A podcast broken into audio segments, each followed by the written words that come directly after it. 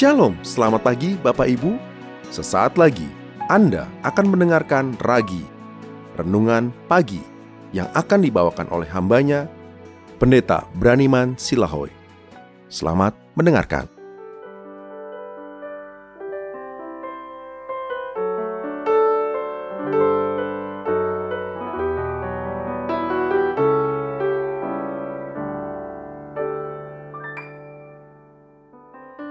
Shalom, selamat pagi Bapak Ibu Saudara sekalian. Ragi hari ini dengan judul Batasan. Di bagian atas rumah saya ada salah satu kamar yang ditutupi dengan dak, Saudara. Dan saya dan anak-anak saya bisa naik ke dak tersebut untuk melihat pemandangan.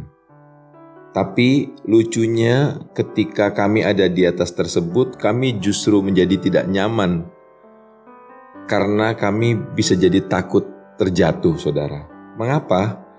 Karena dak saya itu tidak memiliki pagar. Kalau anak-anak saya sedang bermain di dak tersebut, saya justru jadi ketakutan, saudara.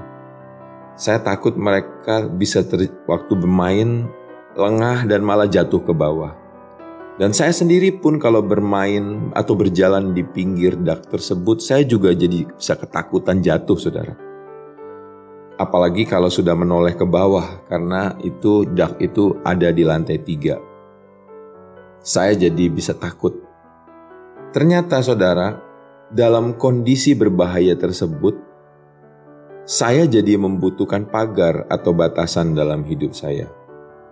Kami tidak merasa pagar tersebut mengganggu, tetapi kami merasa bahwa pagar tersebut sangat berguna untuk menjaga kami agar tidak mudah terjatuh ke bawah.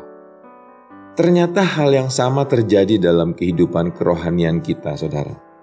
Kita membutuhkan pagar-pagar atau batasan-batasan yang membantu kita agar tidak mudah jatuh dalam daya tarik gravitasi dunia ini yang menarik kita jatuh ke dalam dosa.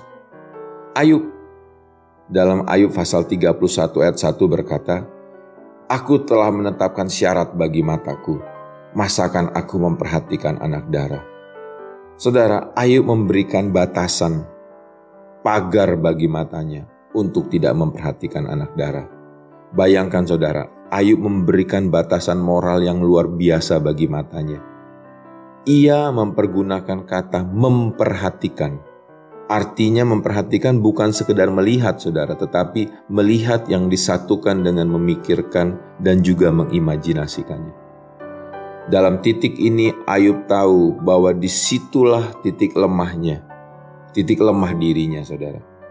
Tidak salah melihat wanita, tetapi ketika ia mulai memperhatikan wanita dan mulai memikirkan dan mengimajinasikannya, maka pikiran dan imajinasinya bisa menjerumuskan dia ke dalam hawa nafsu yang sulit dikendalikan.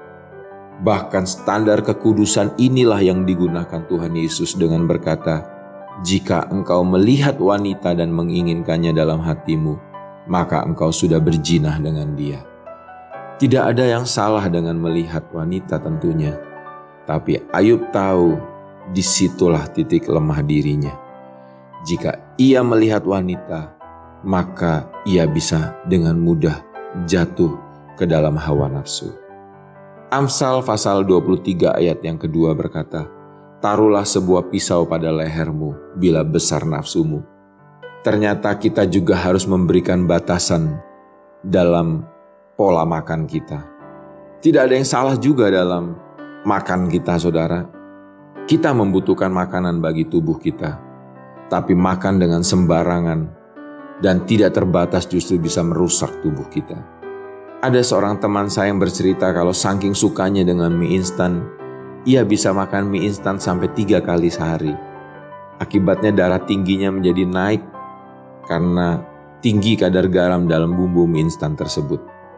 Namun sekarang ia sudah mulai membatasi hobi makan mie instannya tersebut. Dan apa yang terjadi? Tekanan darahnya bisa normal kembali. Saudara bayangkan, kita bebas saudara dan kita perlu untuk makan.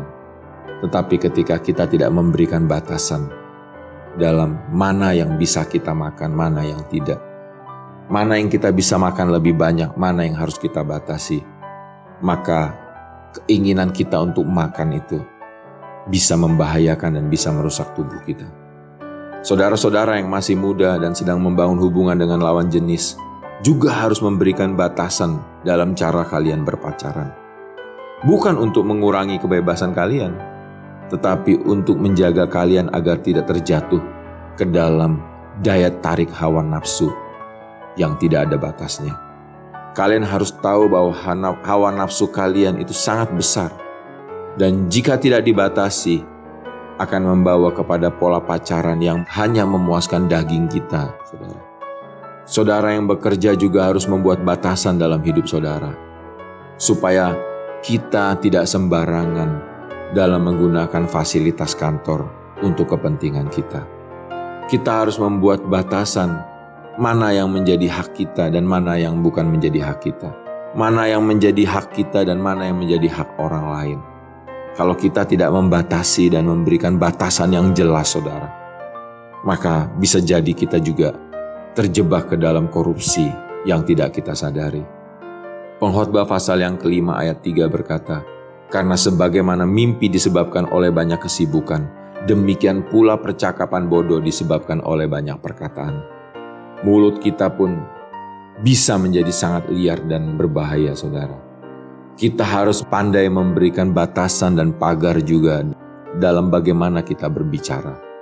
Sejauh mana kita bisa membicarakan orang lain, saudara. Saya belajar memberikan kelonggaran bagi mulut saya jika saya sedang membicarakan kebaikan orang lain. Tetapi saat saya mulai ingin membicarakan tentang kejelekan orang lain, maka saya akan memberikan batasan dan pagar yang sangat ketat. Saya akan memberi kelonggaran bagi mulut saya jika bercanda tentang kebaikan orang lain, saudara. Namun, saya akan memberikan batasan yang ketat jika saya sudah ingin mulai bercanda untuk membuli teman saya.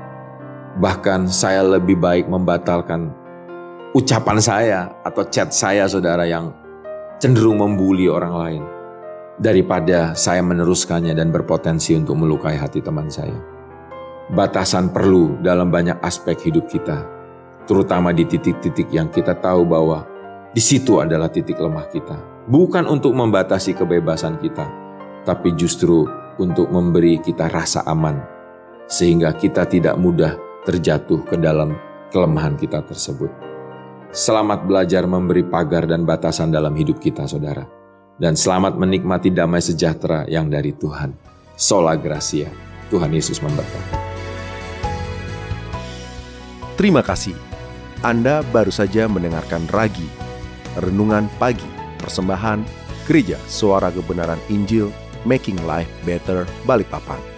Tuhan Yesus memberkati.